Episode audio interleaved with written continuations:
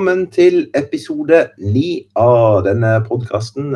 Spillpedagogene, en podkast om spill og digital kultur. Og denne gangen så er jeg med Alexander Husøy. Vi har eh, Magnus Sandberg med oss i dag. Det har vi. Og så har vi Odin Nøsen. Han er med.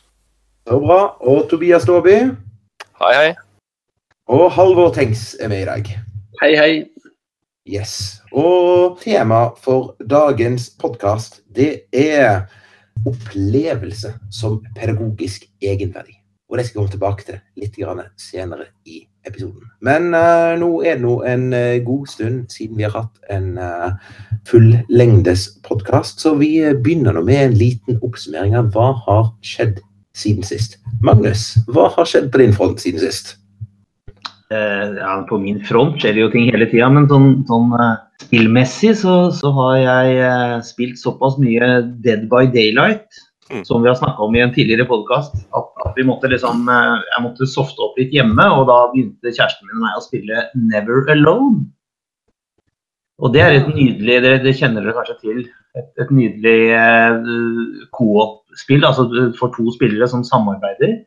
Og, og er et uh, bygger på et uh, sånn Eskimo-sagn. Og er lagd i samarbeid med en, inuittstamme i Canada eller i Alaska.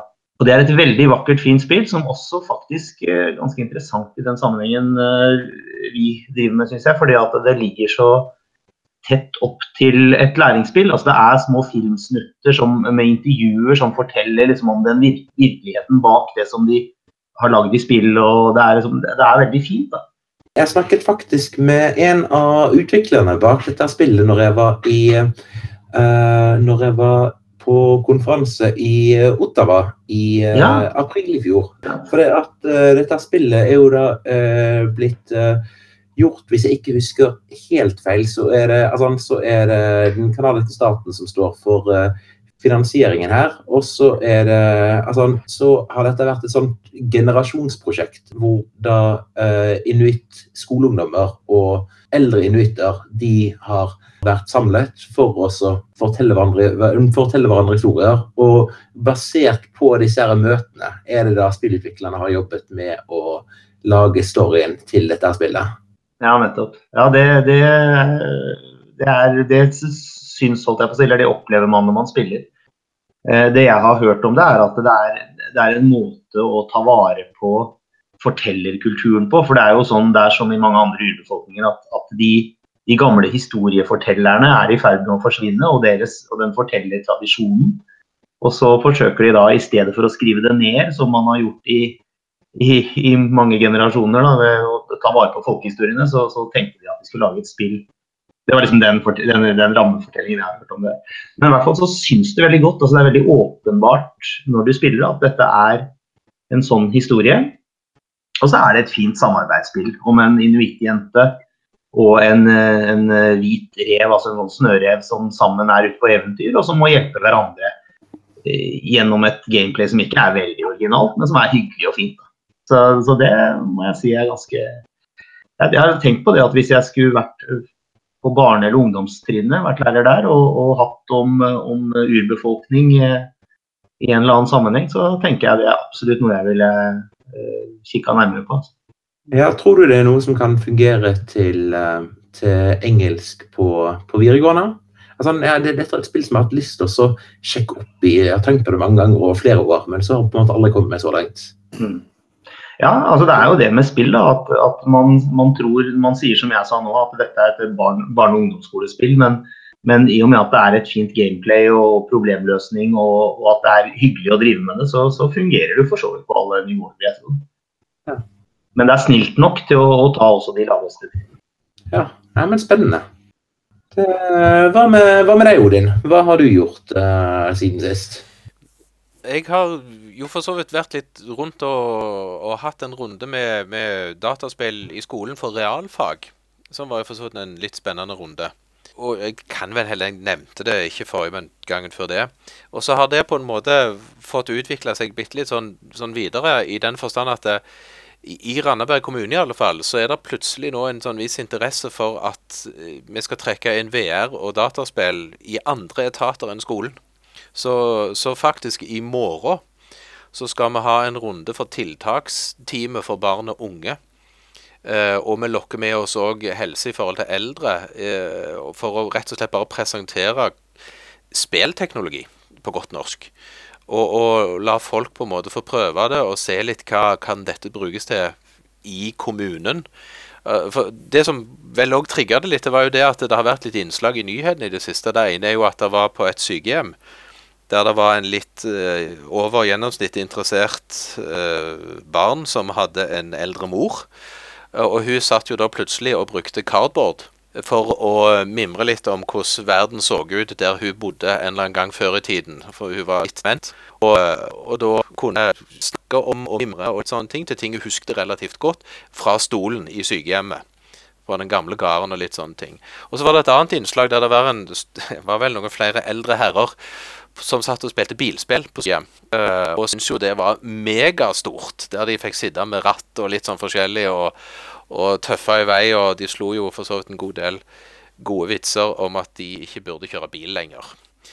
Uh, krasjet en del. Jeg har sett at uh, den første Wii-en uh, har vært en stor suksess på ganske mange eldrehjem rundt forbi ja, verden. Så, så, jo, det, den har det, det og, og jeg, det, det, ligger jo litt, sånn, litt i den å på en måte få trukket det, så det skal bli spennende å se i morgen i forhold til det. Ellers så, så har jeg hatt et sånn, hadde et lite forsett egentlig til sommerferien, som er jo veldig lenge siden, om at jeg skulle spille meg gjennom hele VR-porteføljen. Oh, den blir ikke uh, og, og, selvfølgelig det å spille gjennom alle spillene, det var nå så sin sak. Men, men uh, jeg har liksom sagt jeg skal prøve alle og gjøre meg opp en mening i forhold til det. Så, så jeg har hatt en god runde med en god del bilsyke, for å si det sånn. Men, men kommet meg gjennom en god del, og har vel for så vidt konkludert med at det er rimelig langt mellom de veldig bra tingene. Det, det vil jeg vel innrømme for meg sjøl. Men noen ting er de bra tingene som er bra, de er til gjengjeld veldig bra. Og, og... Har, du, har, du, inntrykk av at eh, dette er liksom der en eh, gullrush? At alle skal liksom ut på VR fordi at det er den nye vinen, eller? Nei. Det er litt sånn todelt. Det er på en måte at det, For å få et veldig bra VR-produkt, så må du lage det som VR fra bånn av. Så, så, en del av de tingene som er bra spill, f.eks. Elite Dangerous, som jo da de har lagd som, som en VR-utgave òg, du merker veldig fort at det er ikke lagd fra bånn av, og du blir lett bilsyk på sånne ting. Ja. Uh, mens de mm. tingene som er lagd fra bånn av, der du virkelig de har klart å plassere deg i denne virtuelle verden, der fungerer ting veldig godt.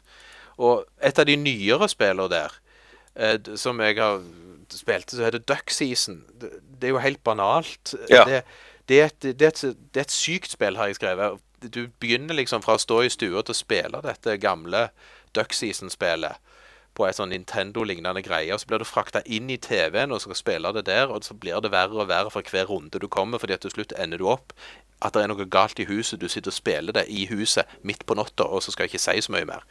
Det, det, det, er rimelig creepy, rett og slett. Ja, altså, Når du sier uh, duck season på noen, altså, Er det da dette gamle Duck Hunter uh...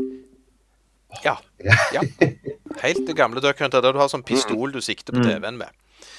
Uh, og Da står du i stua og sikter på TV-en, og så blir du frakta inn i fjernsynet. Hvis du da snur deg, så ser du deg sjøl stå og spille spillet på utsida av skjermen. og sånne ting. Uh, og så tar det egentlig bare helt av når du kommer lenger uti. Uh, jeg syns jo sånt er nifst jeg til slutt. så det, det Men ellers har jeg spilt gjennom et par andre spill som var kjekt. Uh, Gorogoa. Ja, det så fint ut. Mm. Ja, det var en perle. og jeg fant ut at det er et gammelt spill som jeg ikke var klar over har eksistert i årevis. Mm. Lagd i Java i sin tid. Oi. Uh, ja. Men, men det, var, det, er en liten sånn perle i forhold til dette med en sånn fortell en fortelling samtidig som det er en nokså klassisk sånn puzzle-aktig greie som utnytter mediet på en måte jeg egentlig ikke har vært borti på før. Så det var, det var, det var gøy. Mm. Jeg fikk han for så tiåringen òg delvis interessert i det. For han syntes òg det var såpass spesielt med overgangene og hvordan ting skulle settes sammen av, av disse puzzle-gåtene og sånne ting. Mm. Og så har jeg jo lekt meg med Bridge Constructor Portal. Ja, det ser morsomt ut. ja, det er, det, er, det er, morsomt. De, de, har liksom klart å kombinere Bridge Constructor med Portal. Mm. Og, og, det, og, de har klart å ta vare på denne litt sånn underfundige humoren som ligger i hele dette Portal-konseptet. Ja, og jeg vet jo at ved vår skole så er det jo flere fysikklærere som har brukt både Bridge Constructor og Portal 2 i uh, tilknyttet til fysikken. Når du da setter disse spillene sammen, er det fortsatt uh, noe som du tenker er dugende for skolen? Er, det, altså, er dette her uh, the best of both worlds satt sammen, eller hvordan, hvordan blir det? Nei, jeg ville vil ikke kalt det det. Jeg ville kalt det bridge constructor på speed. Ja. ja, altså det, det, er liksom alt det der Det syke du kunne gjøre i bridge constructor, og så har de bare liksom gått det to hakk til. Uh, og koble inn. Så, så, du kan bruke noe av det. Det, det, det, er, en, det er, en, god del sånn hjerneaktivitet som må til. Så, så, det er en god del sånn tenkearbeid som må gjøres på nytt, i og med at du bryter litt fysikkens lover i forhold til bridge constructor. Men, men, du må liksom begynne å tenke litt portal inn mot hvordan fysikken skal funke, og mot broene. da, Så ja, du kan tyne det litt, men, men det er mer gøy enn det er nyttig, tror jeg. Mm. Jeg spilte det faktisk i romjula på mobilen min. det der. Å oh, ja. ja. ja. Eh, det funker fint, ja. må jeg bare si. Ja, det er, en, sånn, det er en gøy liten sak. Ja. Og så helt på siste som på lista, det er at jeg har jo endelig spilt meg gjennom Gone Home fullstendig. Oi, oi. Det gleder Ja, jeg vet det. Det er nesten det, ja. Så eh, det er nesten å bekjenne synden at jeg ikke har spilt det litt ferdig før. Uh, ja, så, jo, så, så hva, er, hva, er, dommen? Jeg likte jo jeg likte jo kjempegodt. Uh, jeg, jeg, jeg, faller jo pladask for sånne ting, egentlig. Nå, det er jo noen år gammel i forhold til sånn grafikkbiten av det, men det er jo ikke for så vidt det som er det viktige i det heller. Nei, altså, altså, Gone Home var jo gammel med tanke på grafikkbiten allerede før det kom ut. Ja, så, så, men, jeg, men, jeg likte fortellingen, og jeg, jeg, likte måten han ble fortalt på. Jeg, og jeg, øh, jeg syns ikke han blir for linær heller. Han, han fungerer i, i spillform, syns jeg, som så. Ja. Så har jeg for tenkt litt i forhold til det som jeg sikkert kommer til å si litt om seinere, med at eh, vi er jo en gjeng som jobber i skole, og så er jeg den som er i grunnskole, og så er det dere som er litt sånn opp gjennom fra videregående skole opp. Uh, og, og, jeg har tenkt ofte liksom, hvordan kunne jeg brukt dette ned mot grunnskole? Og jeg, og jeg ser på en måte forskjellen i dette som vi har som tema senere, opplevelse som pedagogisk egenverdi. At vi kan gjøre mindre analyse i grunnskole eller ungdomsskole, kall det kan vil, enn det nødvendigvis en kan gjøre i videregående, fordi elevene er eldre og mer modne og litt sånn i videregående sikkert noen videregående skolelærere som kan være uenig i det, men, men allikevel så vil det være sånn. Og, og, og, da er det litt mer hva måte vi kan bruke det på. Som, som vil nok bli litt begrensa i, i, forhold til alle de mulighetene jeg ser når jeg spiller spillet. I forhold til 'Å, dette hadde vært kjekt. Dette hadde vært kjekt. Dette kunne vi snakket om.' Jeg, jeg må innrømme det, Odin, at uh, jeg har brukt dagen nå i dag og for så vidt i går òg på å, å, spille Gone Home med en hel skoleklasse i ungdomsskolen. Og um, jeg, jeg, er rimelig Ja, jeg syns de, de, er relativt reflektert, altså. Og det, det, er ikke et spill som, som, som, pusher grensene for hva de kan få til av, av um, Altså, De kan få veldig mye ut av det. da. Det her kommer vi til å snakke om senere, med tanke på dette med, med, med egenverdien som ligger i, i, i fortellinga. Men, men, men um, jeg tror Gone Home er et spill Man må på en måte ikke begrense de muligheter man kan, man kan eh, man, eller de, de, Man må på en måte gi elevene the benefit of the doubt og bare pushe sånne spill på dem òg. Fordi at eh, mange, mange kommer, kommer, ut av det på en veldig fin måte, selv om man kanskje ikke forstår alt. og Det gjør kanskje ingenting heller. Men det er vel ganske kult at det fungerer på begge de planene. Det er vel nettopp det, det Halvor kanskje uh, sier, eller, eller at, at, man kan liksom oppleve det på ulike måter. Ja, det er det man kan. Og det der med, med alle de Man har veldig mange lag i det spillet der. Og, og, og selv om man så muligens ikke kommer ned i, i dybdene dersom man ikke klarer Hvis man ikke f.eks. har et ordforråd som, som, som tilsier at man skal få det til, så er det veldig mye som man kan få ut av det spillet, og en del andre spill som, som funker kjempebra. I, um, I hvert fall i ungdomsskolen. Ja, det syns vi. Ja, og det er den, og det er den for så, Nå skal jeg for, forgripe, Altså ta litt noe som jeg har tenkt å si litt om seinere. Altså, det er jo det som er kjernen. Altså, det er jo opplevelsen som er dataspillets kjerne. Altså kontra en del andre ting. Altså, altså denne som jeg har vel notert ned for meg sjøl, oversatt til norsk. Mm. Altså Hvis et spill ikke er kjekt å spille, så er det ikke et spill. Da er det terapi eller trening. Og, og, og, og da, er, altså, da, er, det jo på en måte betydning av at hvis, hvis Gone Home er et godt spill, så er det noe med spillet som sådan som gjør det kjekt å spille. Som alle disse elementene som ligger i spillet, sørger for. Og ikke nødvendigvis bare fortellingen i seg sjøl, men kombinasjonen av alle de elementene som er der, om hvordan det blir fortalt, eh, estetikken i det, som jo da summeres opp til en opplevelse. Og opplevelsen vil ha verdi uansett hva, hva, hva trinn vi er på. Så lenge du forstår på en måte settingen rundt det som er spillet. Mm. For det er, jo, det er jo, noe altså, altså den meningsskapende og meningssøkende prosessen uh, inni hodet til spilleren er jo desto viktigere for opplevelsen uh, enn det hvis man ser passivt på en film, fordi at man er nødt til å gjøre noe med spillet. og Hvis ikke på en måte du opplever, enten opplever mening bak hvorfor du gjør det du gjør, eller uh, ikke forstår hvorfor du gjør det du gjør, eller hva du skal gjøre, så rage-quitter du bare, tenker jeg. Uh, Altså, vi har jo alle opptatt, opplevd at vi enten sjøl eller andre vi spiller med elever eller venner, uh, kaster kontrollen i været og sier 'jeg skjønner ikke poenget av spillet her'. Ikke sant? Mm. Og det, jeg lurer på om det, det, er lettere å gjøre det med et spill enn en film, kanskje. Ja, men det som jeg synes er utrolig interessant med den diskusjonen som er akkurat nå, det er altså, det at det dere sier, eh, det, det, det dere sier om Gone Home nå, det, dette er jo til, i høyeste grad også sant for noveller som vi bruker i skolen. Sånn at, eh, altså, eh, altså, det er mange tilfeller hvor jeg introduserer mine VG1 og VG2-elever for noveller som det da viser seg at de også har lest uh, som viser at de også har lest på ungdomsskolen. Men greien er altså, uh, altså, uh, Det er jo noe i dette altså, All god litteratur, altså, i alle fall mye god litteratur, kan ha mye innhold, flere forskjellige nivåer. Og når man går tilbake til et verk som man gjerne har lest og kan allerede, for, altså kan allerede fordi man, man var, gjennom det, var, gjennom det, for et par år siden. Når man da går tilbake til det, og denne her modningsprosessen som disse elevene våre skal være gjennom, har fått jobbe litt, så, er det, så er det utrolig hvor mye mer spennende man kan få ut av et verk også et par år senere, selv om det er nøyaktig det samme mm. verket du jobber med lurer på når, vi eh, får en når du opplever for første gang at du spiller et spill på, eh, på, med elevene dine, og så sier de at ja, men dette har vi jo spilt på ungdomsskolen. Ja, sant. Ja, jeg gleder meg litt til det. Det blir vakker dag. Ja. Men jeg tror vi skal ta oss gå videre. Jeg har lyst til å høre litt, grann, uh, litt grann fra, uh, fra deg, Halvor. Jeg vet at du, uh, du også driver aktivt med, med Gone Home for tiden. Ja, jeg kan begynne der, jeg. Um, jeg holder på med et feltarbeid i forbindelse med masteroppgaven min. Og Sånn sett så er det jo interessant å følge den diskusjonen om Gone Home, i og med at det er det som jeg bruker som en, en tekst. Jeg legger egentlig til grunn at Gone Home er, er, litteratur. da. Og så bruker jeg det jeg brukte i et, eh, et arbeid nå, uh, der, jeg, der, jeg, ser på om, om, jeg kan, om jeg kan dra veksler på på en sånn type historiefortelling inn mot mer tradisjonelle tekster. Og gi elevene noen verktøy for å stille gode spørsmål til tekstene som de leser. For det er, Vi snakket litt om i stad dette med altså et dataspill må være noe som engasjerer, eller så rage-quitter du.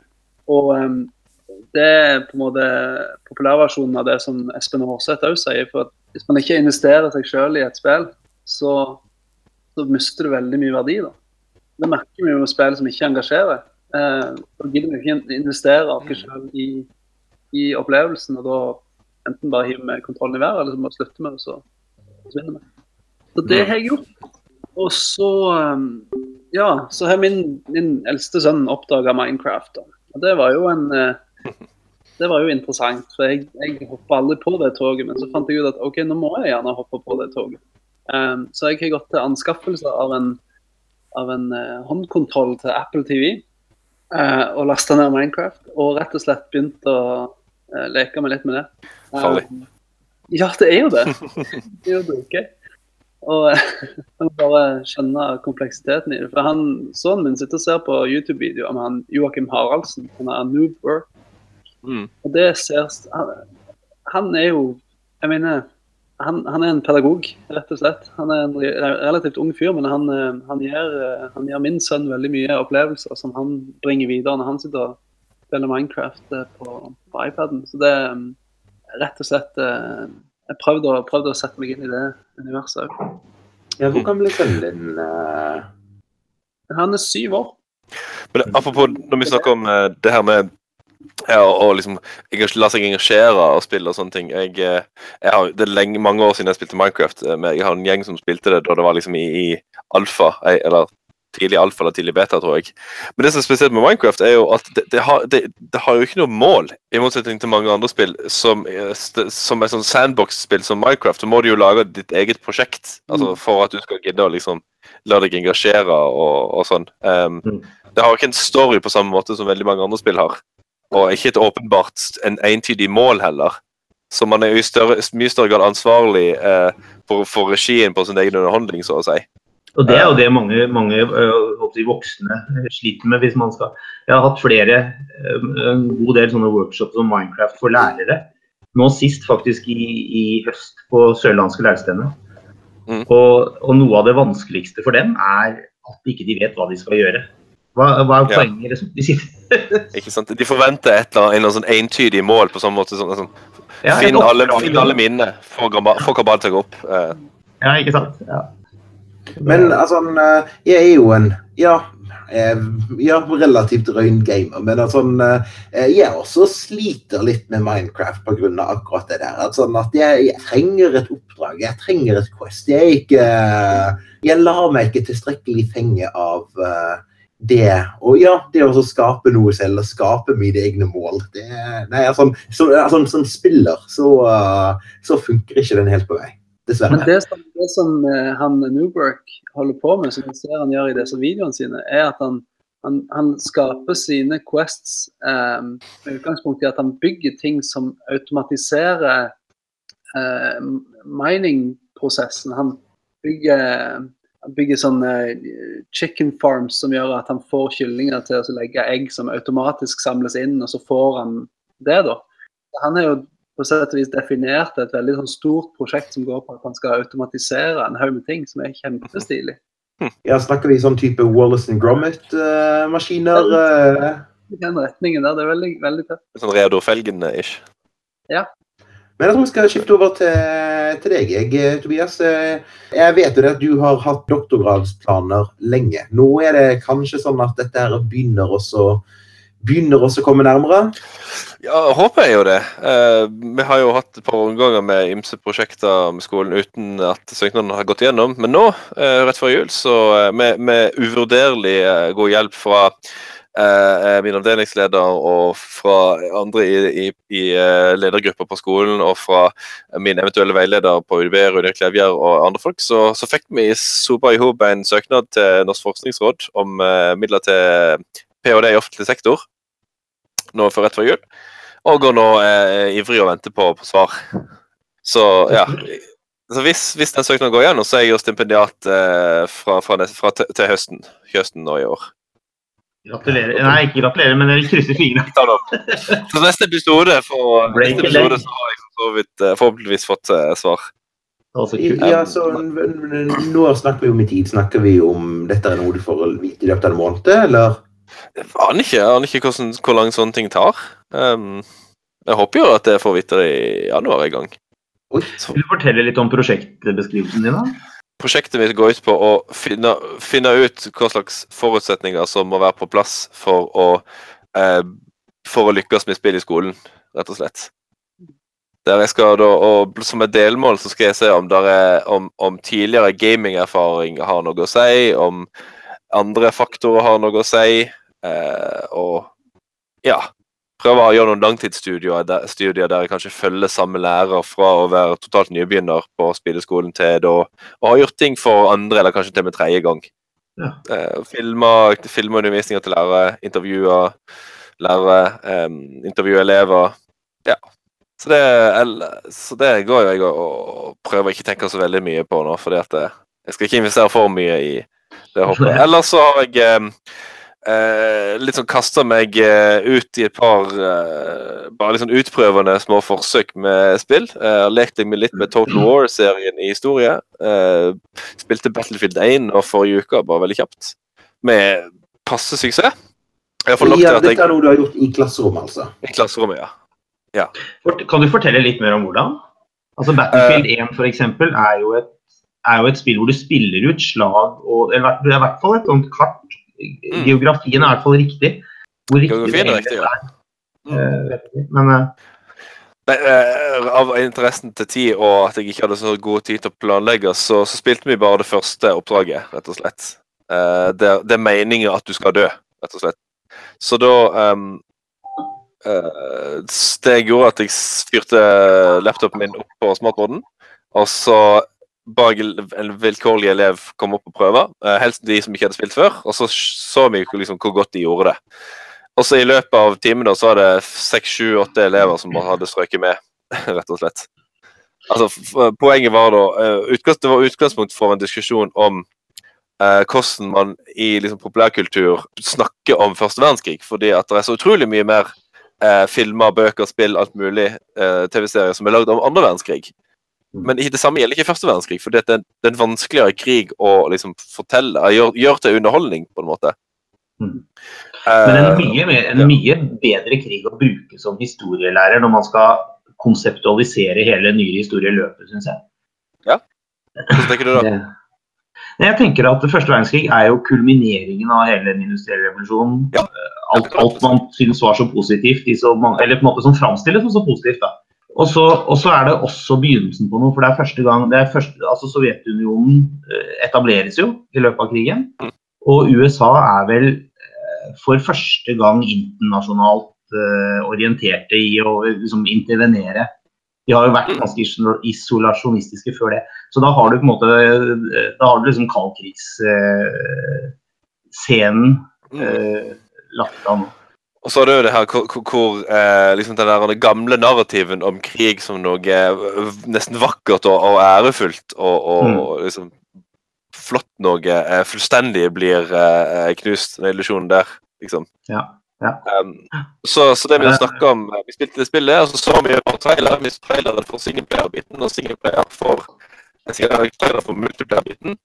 Og så så vi en gammel BBC-dokumentar som heter The People's Century, tror jeg det heter. Uh, som på en måte altså Vi snakker liksom For der for er det, er det samtidsvitner som forteller om at både i Italia og Frankrike og England. Alle, liksom, alle hadde den samme narrativen om at krig var noe man så fram til. Man får, får komme seg vekk fra foreldrene sine, men fikk, fikk et år utenlands, eh, så å si. Og krig var liksom noe ærefullt og, og spennende noe. Og, liksom, og det, Battlefield 1 til viss grad, iallfall i multiplayer-biten, selger litt den samme greia. Altså liksom forestillinger om krig. Uh, så det var uh, Og et par av elever mine reagerte veldig på liksom, at multiplayer-biten så kan du kaste gassgranater på hverandre og uh, kjøre, slå hverandre med spade. Altså, de syntes at det var direkte respektløst. Altså, de syntes ikke det var greit. Et par elever mine. Ja, men så, sånn at litt av det som, det som er greia her, det var altså gi ja, gi elevene en opplevelse i denne tilfellet her, og gi elevene en opplevelse av å være kanonføde under første ja. verdenskrig. Pretty much. Og det er, altså i, i multiplayeren er jo litt sånn, som du sa, litt kritikkverdig kanskje, men i singleplayeren så, så var det en, et poeng fra, fra eh, designernes side at man spiller ulike roller gjennom spillet. Mm. Fordi at én person overlevde ikke alt og var ikke på alle krigsscenene. Mm. Men det er, det er viktig å, liksom, at en god del av disse dør. da. Mm. Så spiller så, man videre i en annen rolle. Spesielt det første oppdraget. Men så vidt jeg husker, i singleplayer-biten så kan man ikke spille eh, noen av liksom the bad guys, altså av trippelalliansen. Av sentralmaktene. Jeg tror ikke du kan det. Ingen, ingen tyske, ingen eh, østerrikske, ungarske, ingen italienske soldater. Eller Italia bytter sier riktignok underveis, men ja. ja. Um, men vi har jo også vært på uh, tur siden sist. Vi har vært på tur. Og ja, jeg og Aleksander var på norgesturné med Senter for IKT i utdanningen rett før jul. Der eh, Den turneen strakte seg fra Kristiansand og Stavanger i sør til Kirkenes og Alta i nord. Det er spennende og kjekt. Ja, så vi, vi, har rett og slett fått lov til å eh, reise rundt i Norge og eh, med mål om å rekruttere flere spillpedagoger. Så nå håper jeg at det kommer i gang litt grann mm. små spede forsøk, litt grann stikke, stikke tåen i vannet. Men møtte dere noen? Flere steder samtidig.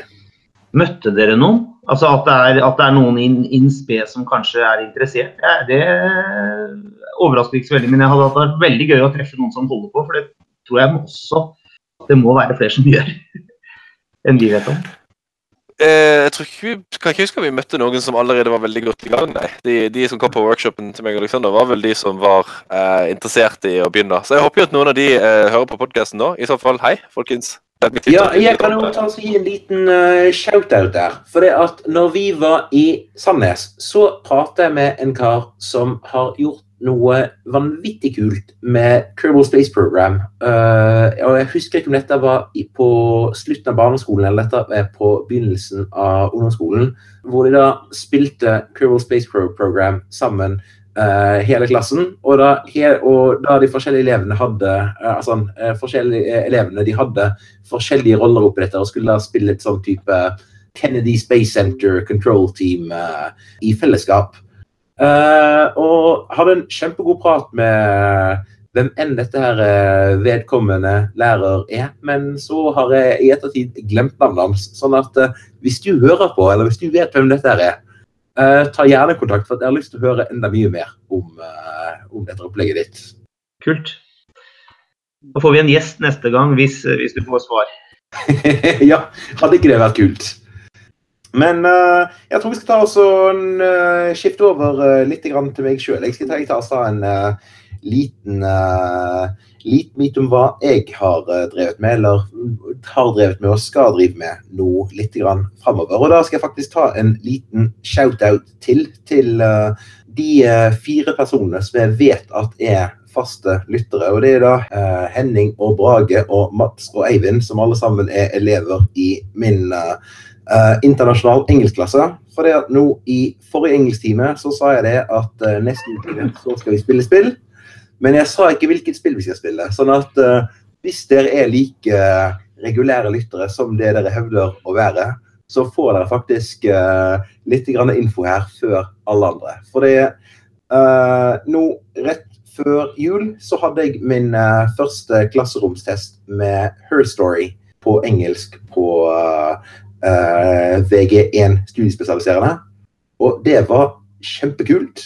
Og nå eh, har jeg gjort et par ting for å raffinere opplegget, og skal da kjøre en, uh, kjøre en femtimersøkt med dette her på VG2 internasjonal engelsk nå etter Ja, nå på førstkommende tirsdag. Så da, da, da vet dere det, gutter. men Fantastisk. og det, jeg tror det er første gang noen har fått lekser på podkast via podkast. Ja, nei, altså, ja, altså, eh, Det jeg har sagt til klassen på, klassen på, forhånd, det er at jeg vil ikke si hvilket spill de skal spille. for Jeg vil ikke at de skal, jeg vil ikke at de skal lese noen ting om storyen eller noen ting før de opplever dette her sammen i, uh, sammen i klasserommet. Sånn at uh, uh, dette, er, dette, er, fremdeles det motsatte av lekser. Jeg vil fremdeles ikke at de skal gjøre noen verdens ting. Men nå har dere i alle fall litt mer informasjon i lesen. Så bra at du kan bruke fem timer til å virkelig gå inn i det spillet. Det, det, er jo et spill som fortjener fem, et femtimersopplegg. Mm. Virkelig. Ja, ja, det er det. Også, nå, nå, er det ikke noe som kommer helt uten, uh, helt uten kontekst. Sånn, det vi har jobbet med nå den, den siste, siste, tiden, det er, sånn, det er ulike noveller som har som, uh, som, har som fellestrekk en unreliable narrator, kaller vi dette i engelskfaget. Hva kaller vi dette på norsk? Upålitelig forteller. En upålitelig forteller. Uh, vi, har, vi, har, lest Edgar Allan Poe, og da har vi Da har vi, da har vi uh, Åh, oh, nå fikk jeg to til The Telltale Heart har vi lest. Vi har lest The Telltale Heart.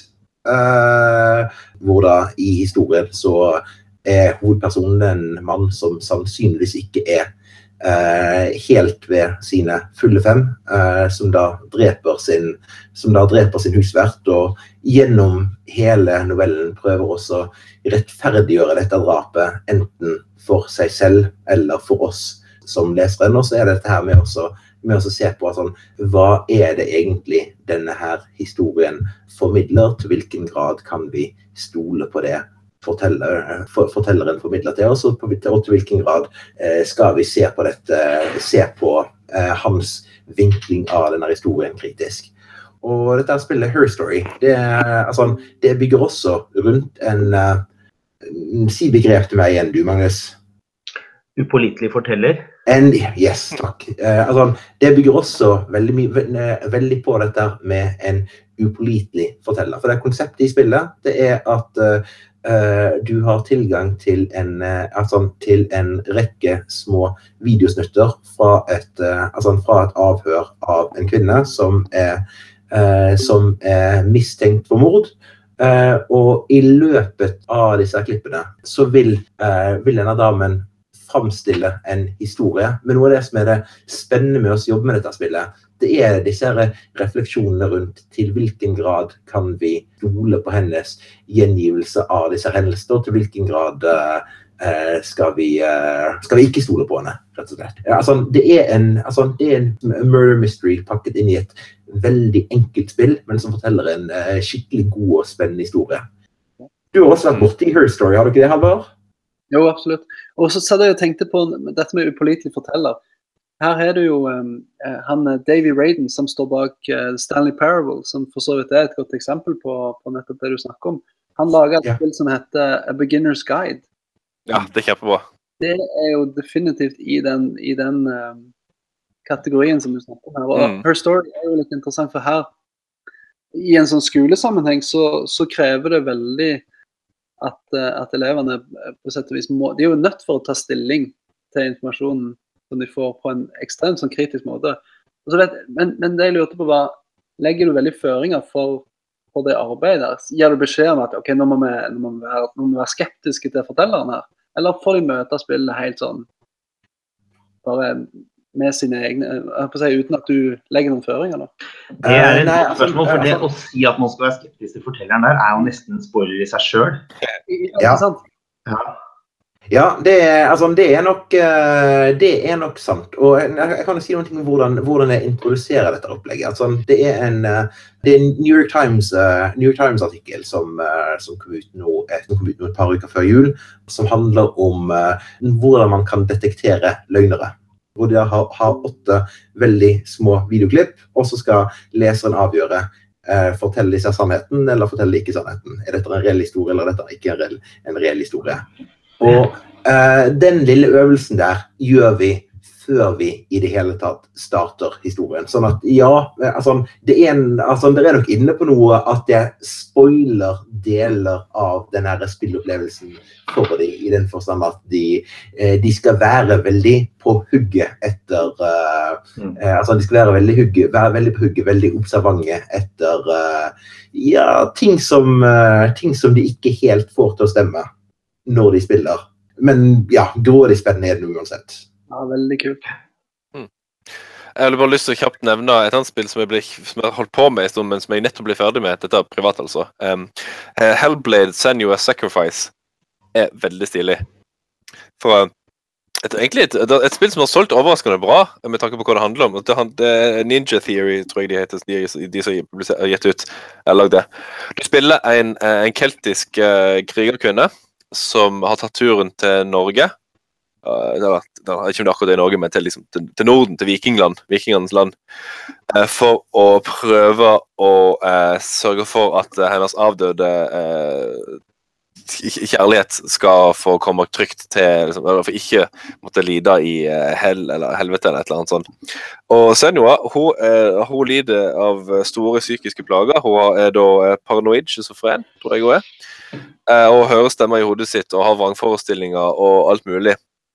Og det, det er spill som du må spille med headset på altså for at opplevelsen skal bli så bra som man kan. For der har de altså prøvd å simulere så godt de kan hvordan det høres ut å ha stemmer i hodet.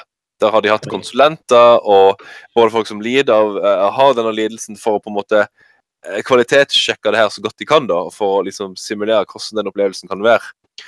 Uh, og, og, at noen av gåtene i spillet gjelder å finne mønstre i for, liksom, for, mellom trær eller påler og, og, stein og løvverk og sånne ting, for å liksom åpne ei dør for å komme seg videre og en del sånne ting.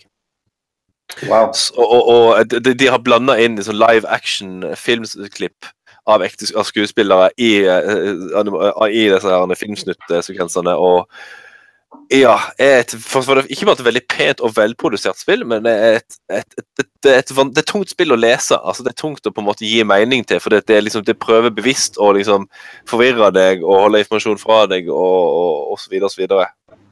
Og så har du hele tida stemmer i hodet ditt som sier alt ifra 'behind you' hvis det er en fiende bak deg, og så ler de av deg hvis du ikke klarer ting, og ja. merkelig spillopplevelse, altså. Men veldig, veldig god. Ja, Mm, så for, du det er litt stor tidsinventering som du bruker i skolen, kanskje. Uh, men som en, en halvtimes spilling for liksom, med et godt headset på for å få elever til å forstå hvordan det, hvordan det faktisk høres ut og stemmer i hodet, uh, kan det være verdifullt. Kanskje.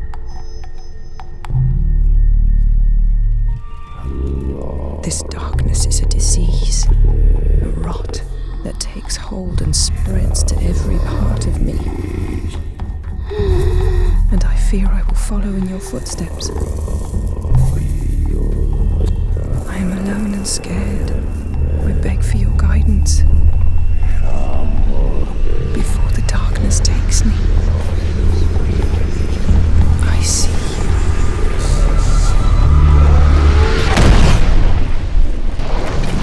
you. No.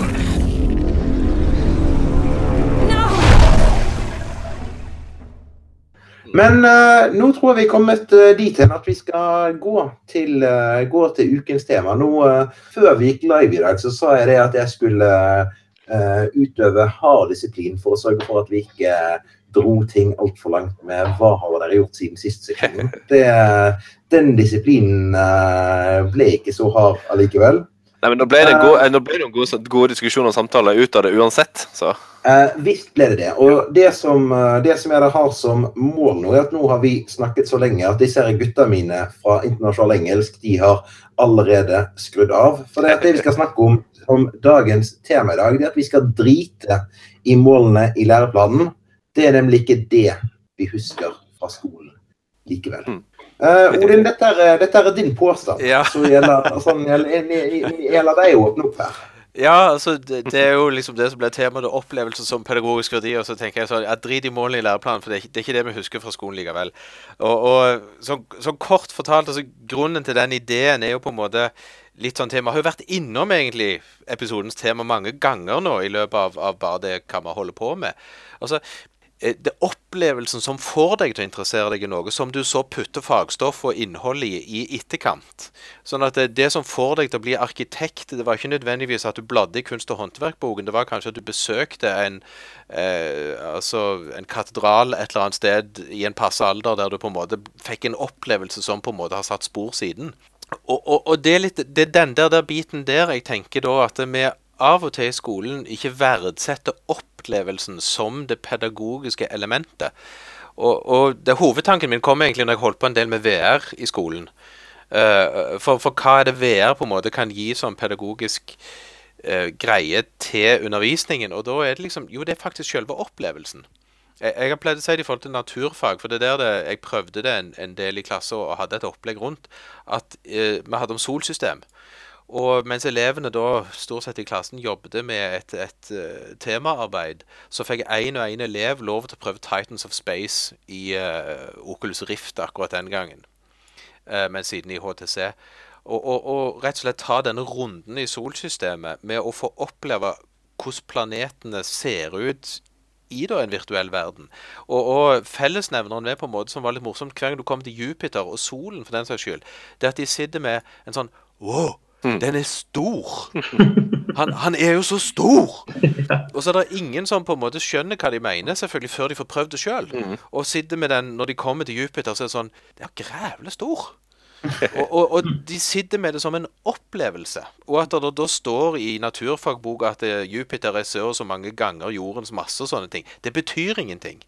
Altså, det, det, har, det, det er ikke noe opplevelse det, men prøver du det i VR, så er han stor. Og, og hvis du holder ut hele Titans of Space og får se alle solene som de plasserer etter, eller alle stjernene som de plasserer etter hverandre i størrelse, og du liksom ser hvor liten solen er, så, så sitter du igjen med en, en opplevelse, og det er denne opplevelsen som har den pedagogiske verdien, egentlig. For det er den som får deg til å både huske og bry deg om den kunnskapen som ligger i opplevelsen. Og, og som, jeg, som jeg på måte sier, ingen opplevelse, ingen læring.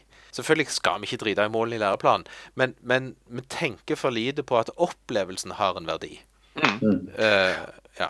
Og det, er og det er jo det som er en del eh, for, for, for meg og Alexander, og sikkert alle vi her i podkasten sin, sin del, er nettopp det at spill kan være med å gi dette her opp, disse, disse opplevelsene, disse førstehåndserfaringene, og digitale sådan. Og, så spiller på en måte ikke en rolle. Um, at de har førstehåndserfaringer for å på en måte eh, virkelig altså for å på en måte virkeliggjøre det som de ellers bare vil se, sitte og lese i lærebøker eller høre på at læreren babler om osv. Samtidig, eh, et interessant element, eh, moment der eller eh, Jeg har nettopp blitt ferdig med eh, en dansk spillforsker si uh, fine lille bok 'Spillpedagogikk', heter den, av Andreas Liberoth. Og Han skriver om det han kaller for dette, det, det, spillpedagogikkens paradoks er, sier han, er, er, det at vi spiller spill for å eh, eh, nettopp gjøre ting mer meningsfullt, gjøre, gjøre ting mer forståelig osv. Men samtidig så er han inne på dette med Dere kjenner sikkert til Hoisinga sin magiske sirkel, Magic Circle. Det at liksom spillopplevelsen Eller spillet eksisterer liksom eh, en slags hinne mellom spillet og resten av virkeligheten, der på en måte spillets egne premisser gjelder. Um, det er det, det, det han sier paradokset. På den ene sida så er spillet liksom, jeg sier egen greie der liksom virkeligheten på en måte ikke gjelder. Hvis jeg tar en sklitakling på deg på en fotballbane, så får jeg kanskje verst som kan skje med at jeg får et kort. Hvis jeg sklitakler deg i parken en uh, sen sommerdag, så får jeg bot eller fengsel. Så, så han, er, han, er litt inne på det. Jeg syns det var interessant uh, moment, det. Og han sier at da må læreren inn som en slags brobygger og på en måte stikke hull på denne her hinna. Uh, han, han, kaller det den spilldidaktiske sirkel, som på en måte overlapper hele den magiske sirkel og går litt over virkeligheten òg, på et vis. Og Det var interessant.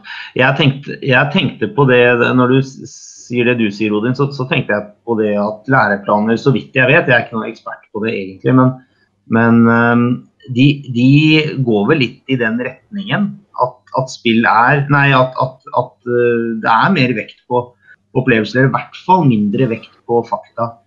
Jeg tror um, Kunnskapsløftet var, var, det, i hvert fall husker jeg som historielærer at det var, de store debattene gikk på hvorfor Ibsen ikke var nevnt. Ja, det var som, som, det var i norsk, da, selvfølgelig. Hvorfor Ibsen mm. ikke var nevnt. Hvorfor andre verdenskrig i historie ikke var nevnt i eh, Kunnskapsløftet da den kom. Og det er jo nettopp fordi at det er ikke bestemte fakta vi skal pålegge folk. Det er mer, mer type ferdigheter og, og forståelse. Og det, det, tenker jeg tangerer litt. Og nå hvis nå det som Ludvigsen-utvalget har uh, foreslått blir, uh, blir, virkelighet, og det tror alle forlagene nå vet i hvert fall, så er jo dybdelæring og livsmestring og sånne stikkord som handler om noe annet enn den kjedeligste delen av skolen. Så jeg må si jeg er litt optimist på opplevelsens vegne her. Altså. Ja, det, jeg er. Det er, et godt poeng. fordi at Kunnskapsløftet legger jo opp til kompetanser. og Derfor så Eh, jeg tenkte litt på den når jeg leste det vi sa i sted, at vi skal drite i læreplanen. Det er ikke den vi husker Jeg er ikke, jeg er ikke helt enig i det, rett og slett. Fordi spill som, eh, som metode er, er, bare en annen måte å nå de læreplanmålene på. Er nesten en sånn slags Hvis du skal sammenligne med lærebøkene, så blir dataspill en form for taktil måte å nå samme læreplanmål på. Mm. Uh, og spesielt med de, med, med, med de nye læreplanene som kommer, så tror jeg òg Jeg er helt enig med deg, Magnus, i at, at vi, vi, får en mye bredere eh, aksjonsradius når det gjelder å, å, å, legge til rette for opplevelser i, i framtida. Så jeg òg er veldig positiv. og Jeg tror, jeg tror at vi, vi har gode tider foran oss akkurat der. Mm. Samtidig så har jo opplevelser av ulike slag en slags egenverdi òg. At man kan på en måte se seg litt blind på kompetansen man løper på et vis. Uh, og det mm. merker jeg spesielt på noen av uh, kollegaene mine i, i, norsk og historie, at vi må jo innom dette her. fordi at ja, det står læreplanen, de kan få det på eksamen, og liksom, liksom panikkangst eh, over å ha det her eksamensspøkelset hengende over seg. og det kan ta, for, for, min del så tar det av og til litt gleden ut av undervisninga. Uh, faktisk. Og liksom, selv om vi vet jo innerst inne at det er et par læreplaner som, man tenker ja, men det er ikke så relevant. Uh, vi hopper elegant bukk over det og tenker ja, ja, vi gjør heller noe annet mm. kjekt noe. Altså, jeg har, det, ja, jeg har av og til plagt norsklærere mm. på, på, skolen med, med også liksom det der Ja, vi skal gå og se teater. Vi skal gå og se et Henrik Ibsen-stykke, et Dokkehjem. Uh, og tar, Vi tar med elevene, og det er en fin oppsetning og full pakke. Og de ser han, og de sitter med en opplevelse. De, altså, de sitter og har sett noe. Det er en bra forestilling. De sitter igjen og har mange inntrykk og, og egentlig mye å fortelle. Og så, ha, og, og, men istedenfor å på en måte si at vi respekterer opplevelsen, og, denne opplevelsen sitter igjen med, vi kan snakke om den og sånn, men allikevel så har vi dette læreplanbehovet for å passe på at det, du har opplevd det rette når du så dette stykket. At, at, du har, at, du har, skjønt stykket, hva Ibsen egentlig ville fortelle deg. Hva de ulike karakterene egentlig tenkte, og hva du egentlig bør sitte igjen med som en opplevelse når du har mm. sett dette stykket. Og, og, Jeg sier ikke at alle gjør det, men, men, det er en tendens til det. For å på en måte kontrollere at undervisningen har virket. At du sitter igjen med den rette opplevelsen. Jeg, jeg, jeg, og, nå må jeg bare, Der må jeg rett og slett bryte inn. Fordi at um, det som UDIR gjør, f.eks. på eksamen i vår, for VG3 eh, studiespesialiserende, så, så gikk man vekk ifra å lage oppgaver som, som, la til rette for en slags form for fasittolking av eh, Da var det et dukkehjem som var gitt. Da, ga man et dukkehjem, et utdrag fra slutten av et dukkehjem, og så ga man eh, et utdrag fra sesong to av Skam. Mm, jeg husker oppgaven. Da elevene om å gjøre noe av det. Eh, og der, der, var, der, var, oppgaven veldig, veldig vide. Nå, nå er eksamensrapportene i ettertid vist at veldig mange elever det er egentlig veldig få elever skrev den oppgaven, og mange av de hang seg veldig opp. Altså, de, de, sitter jo i en tradisjon som, som verdsetter denne form for fasetolking. Mm. Da man mm. ikke, ikke helt greide å være kreativ nok. Så, men ja, det, det, er, det, bevegelse, i hvert fall. Men jeg er litt redd for at, at det ligger en slags forventning om, av, i sens, sensorene, altså de som rett, vurderer eksamensoppgavene, at liksom, ja, eh, at de tenker ja, men og den koblinga her er med liksom dette med, med eh, likestilling og, og, og, og mellom kjønn og sånn, eller kjønnsroller er så åpenbare at hvis de på en måte skriver om noe annet enn det, så har de på en måte svart feil. Så Det, det er eneste jeg er litt bekymra for. Eh, når de, liksom, de forventningene hos litt mer erfarne sensorer. Altså forventninger som litt eh, eldre og være mer erfarne lærere og eh, sensorer har, rett og slett. Selv om jeg er helt enig med deg at, at oppgaven var jo en, sånn, en interessant oppgave. Ja, og det er nesten enda verre på muntlig med altså sånne, sånne oppgaver, Der kan man jo lage en god sensorveiledning som mm. understreker, understreker, dette viktige poenget da, med åpen, mm. åpenheten i tolkningen. Men, men når jeg har vært historielærer, så har vi ofte hatt et pensum som har vært ganske annerledes enn det som er vanlig. Og vi har hoppa bukk over mange, mange, temaer som norske historielærere eh, veldig tradisjonelt og typisk har med. Mm. Og, og, da har jeg vært litt redd for hvem vi får som sensor. da. For det, man, man, må ikke vite hvem Max Manus er, men, men det finnes sensorer som syns man må det. Ikke sant? Mm, ja. Nei, nei men vi er jo litt rundt det der med, på en måte med, med opplevelse som egenverdi, og, og, på en måte om, om, den kan overprøves av målene i Kunnskapsløftet for den forstand i et sånt perspektiv i forhold til spill. Eh, jeg, har, jeg, har, en litt sånn analog fortelling i forhold til det. For vi har eh, undervist, eller jeg har undervist en del om filmmusikk. Vi lagde et undervisningsopplegg på det den gangen jeg gikk på konservatoriet i hine dager. Så vi trødde ned på videregående skoleelever på musikklinjer og for så på ungdomsskolen òg. Og, og, og, det er jo på en måte sånn der, det er en litt sånn glemt del, delvis, i opplevelsen av en film. Altså den musikken som jo faktisk er der. Mye. Mm. Uh, og, og, det er jo på en måte da underviste vi jo elevene rett og slett i hvordan blir filmmusikk brukt. Vi eksemplifiserte det, viste, vi lot de oppleve en del. Og selvfølgelig, idet vi legger teori på det, så kan du jo på en måte si vi ødelegger deler av opplevelsen òg. fordi at plutselig så har de et språk og et begrepsapparat for å forstå hva som skjer. Og med en gang du forstår hva som skjer, så begynner du å tenke rundt det, og ikke bare oppleve rundt det. Og så, og så, er det jo på en måte denne, dette, dette, spenningsfeltet med at det, selvfølgelig kan disse begrepene og den kunnskapen gi nye opplevelser når du går ned i dybden, samtidig som det kan ødelegge deler av, av at istedenfor at du sitter og opplever filmmusikken, eller filmen for den saks skyld, så begynner du å tenke på Ja, nå har jeg kommet til den delen av filmen der de pleier å gjøre sånn. Uh, og, og, så punkterer du gjerne litt av opplevelsen igjen der òg, men, men, men samtidig så er det jo det at opplevelsen er som, det som får deg til å gjøre ting i skole. Og dermed så har opplevelsen et eget pedagogisk mål, som selvfølgelig vi, skal drive undervisning, og vi skal forholde oss til målene i Kunnskapsløftet og, og, og læreplanen. Men, men, det er noe med å ikke glemme at det er opplevelsen som får oss til å bry om ting, tror jeg. Sånn, og dermed så har det en egen verdi. Og derfor så bør vi planlegge undervisning som gir opplevelser, selv om vi ikke helt kan kontrollere hva opplevelser eleven sitter igjen med. Mm. Og Det er jo nettopp det jeg tenker er utfordringer. Det å på en måte sørge for, altså Gi rom for liksom det subjektive, det du snakker om der med Ibsen og, og, og og Sånn. Gi rom for det subjektive, som jo en opplevelse nettopp er. Uh, um, men samtidig sørge for at ja, men folk bare litt, litt samme sånn cirka samme opplevelse. Så det er sånn, det er sånn, Ikke noe til selvmotsigelse, men det er, sånn, det er utfordring, ikke minst. Samtidig så, så hører, hører jeg veldig ofte fra elever som uh, Ja, nei, uh, elevene mine i religion og etikk sier hvert, eh, ofte sånn, på skoleavslutninger hvert år at uh, du må aldri slutte å spille The Walking Dead, Tobias, for det er det eneste vi husker fra timene dine. Ja. Eh, og det var et viktig poeng, tenker jeg, for, fordi at uh, et, The Walking Dead er en slags sånn førstehåndserfaring med, med hva slags, ja, hva- moralfilosofi vil si i litt sånne prekære situasjoner der veldig mange grunnleggende, sentrale verdier for mennesket blir satt, kommer i konflikt med hverandre. ikke sant? Så med noe helt annet enn liksom kleine rollespill eller sånn det her med veldig ø, ø, liksom unaturlige tankeeksperimenter som det her med ja, togskinntankeeksperimenter og sånne ting. Så, så de, på en måte, de er så strippa for alle forstyrrelser at blir som, det blir som å øvelseskjøre på en tom vei. Ikke sant? Mm. Mm. Mm. Ja, det, er et- det er et godt eksempel. der, for det er så Plutselig så får du at noen av elevene du har hatt med dette, de blir filosofer. Ja, Altså, jo, jo, men altså, fordi de, det, det husker de. Dette var gøy. Dette var noe som på en måte de er, Og så setter de seg inn i det. Og så putter de på en måte på kunnskap på den opplevelsen som de da husker.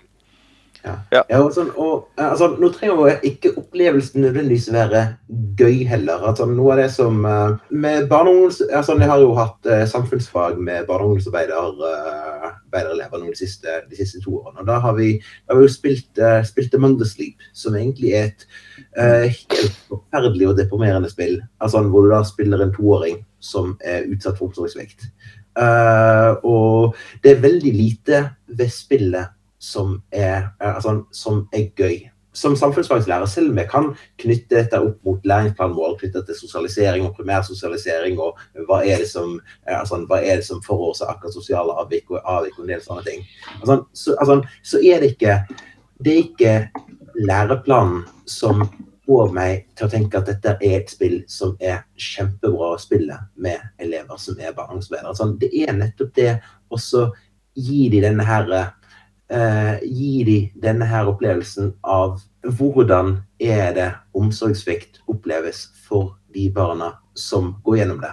Nå er det på en måte kanskje litt kontroversielt også, det også ja, neste, nesten, utse- nesten utsette elevene mine for traumer for oss, gi de, for oss gi de en opplevelse. Men, men allikevel, er det også å ha vært gjennom en sånn simulasjon, og det å si, god tid til å reflektere sammen med, ja, sammen med både meg og lærere på barne- og ungdomsarbeiderfaget rundt ja, hva er det egentlig man opplever i dette? Og ikke minst da bruke det som en, en linchpin til ja, altså når du i senere yrkesutøvelse er i en situasjon hvor du, altså, hvor du ser et barn og du lurer på at sånn, er det noe her?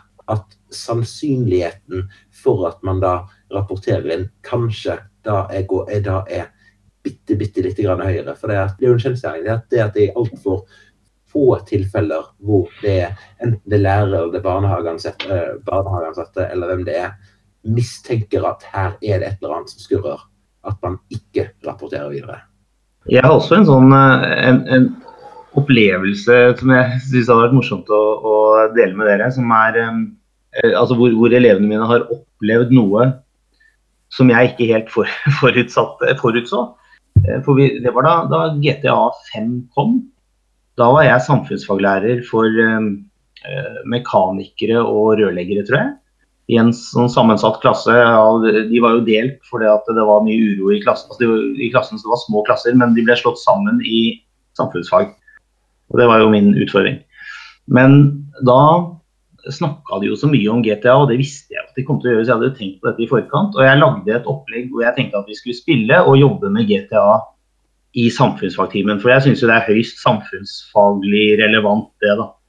Mm. Eh, og jeg lagde en del eh, problemstillinger om disse hovedpersonene. Det viste seg jo, uten at jeg visste det før det hadde, spillet hadde kommet, men det viste seg jo at det var en fabelaktig god historie med tre karakterer som, som, eh, som virkelig kan eksemplifisere ulike livssituasjoner og, og, og, og eh, traumer osv. som man kan liksom jobbe med i, i den forstand. Men deres opplevelse Um, tror, jeg, jeg, tror at det mest skjellsettende som de fortalte meg, det var at det at de spilte dette spillet i et rom med en voksen til stede.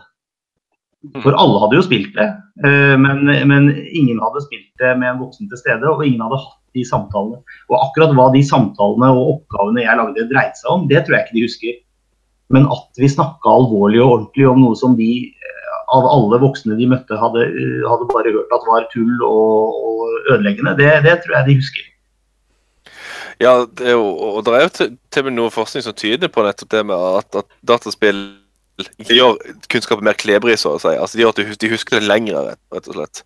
Kanskje ikke overraskende, siden vi mennesker lærer best nettopp i, i opplevelser. Gjennom opplevelser. Ja, nå, nå, altså, Om vi har kommet fram til noe, jeg er kanskje ikke helt uh, jeg, jeg, jeg, jeg, er ikke helt sikker på. Men vi, vi er vel uh, Vi er vel ikke der at vi skal ha drit i læreplanen, er vi det? Nei. Skal ikke la læreplanen stå i veien for en, en, en god pedagogisk idé. Et eller annet med tilgivelse og tillatelse, something, something. Nei. Men uh, da tror jeg at vi skal ta også uh, takke for oss uh, for, takke for oss for denne gangen. Og ønsker, ønsker velkommen tilbake til neste episode av Spillpedagogene, en podkast om spill og digital kultur om en liten stund. Oh my god. Katie, I, I fell asleep in the attic in Lonnie and my old spot, and I missed the first two calls. I just barely caught the third one before the machine got it. And it was Lonnie on a payphone. She'd been on the bus to basic and she said she couldn't she couldn't think of anything but me and us and that she couldn't go through with it with the army and being a part and all of it. And so she got off the bus in Salem. She said, Sam, I want you to pack up everything you can and get in your car and come find me. And let's just drive until we find somewhere for us. And she asked me if I could do that. And I said yes. Yes.